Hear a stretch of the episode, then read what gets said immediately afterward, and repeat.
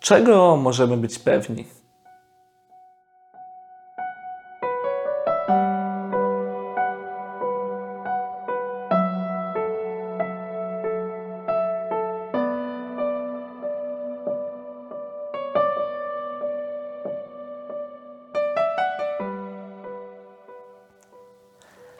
Jestem człowiekiem, który nie przepada za bezmyślnością. Zawsze zanim cokolwiek przyjmę, wolę to najpierw e, przemyśleć, sprawdzić, czy zgadza się z tym, e, co do tej pory przyjąłem, z moim sposobem myślenia. Robię tak dlatego, że jestem świadomy tego, że jesteśmy niedoskonali.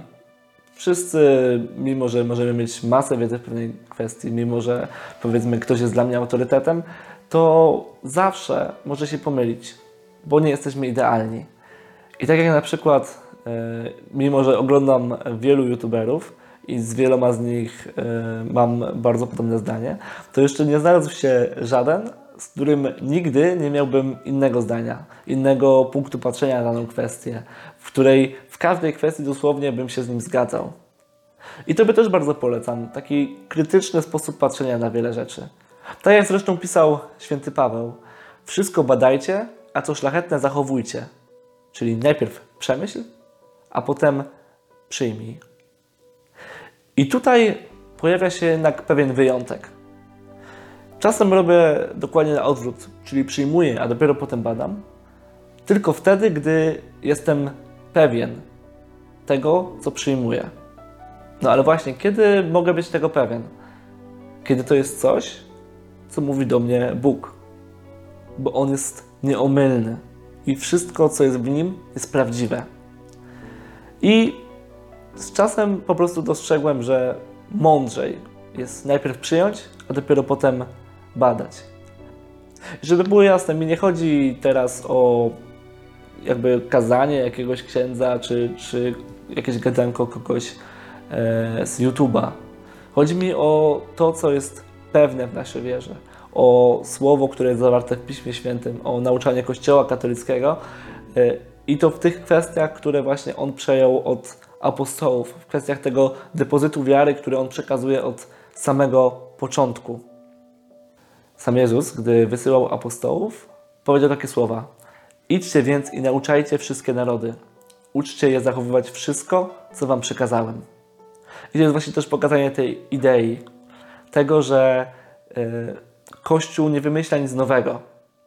On ma przekazywać i zachowywać wszystko to, co powiedział do nas Jezus. I jedyne, co się teraz zmienia, to to, że my coraz głębiej rozumiemy tę prawdę, którą On przez swoje objawienie nam pokazał.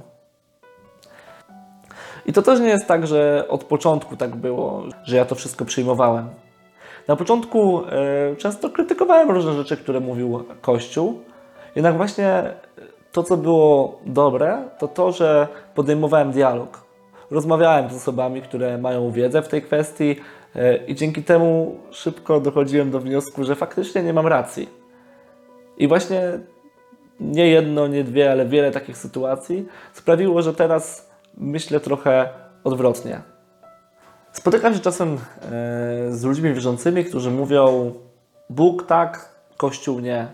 Albo Kościół mówi w tej kwestii tak, a ja mówię tak. I może nawet ty tak czasem masz. Dlatego mam pewną propozycję. Pomyśl, czy w kwestii wiary bardziej zaufałbyś sobie, osobie, która od jakiegoś czasu e, jest już wierząca, e, która od jakiegoś czasu buduje te relacje z Bogiem? Czy jednak Kościołowi, który od 2000 lat przekazuje tradycję apostołów, na podstawie której w ogóle istnieje cała Twoja wiedza na temat Boga? Kościoła, w którym są ludzie, którzy poświęcili całe swoje życie na zgłębianie y, teologii i w ogóle tego wszystkiego, co wiemy o Bogu. Komu byś bardziej zaufał? I tutaj też nie chcę Ci powiedzieć, y, nie, nie podejmuj dyskusji, ktoś mądrzejszy to wymyślił. Nie. Chcę tylko powiedzieć, że moim zdaniem mądrzej by było, e, gdy się z czymś nie zgadzasz, tego nie negować, ale najpierw skonfrontować.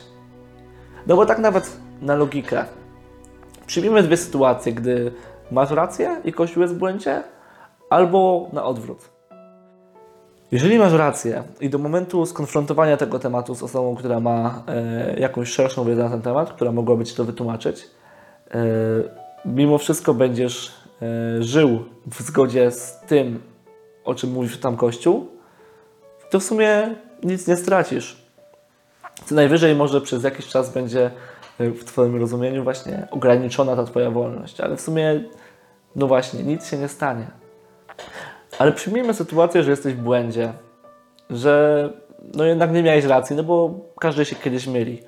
I przez ten czas do momentu skonfrontowania y, żyłeś tak, jakby to nie było prawdą.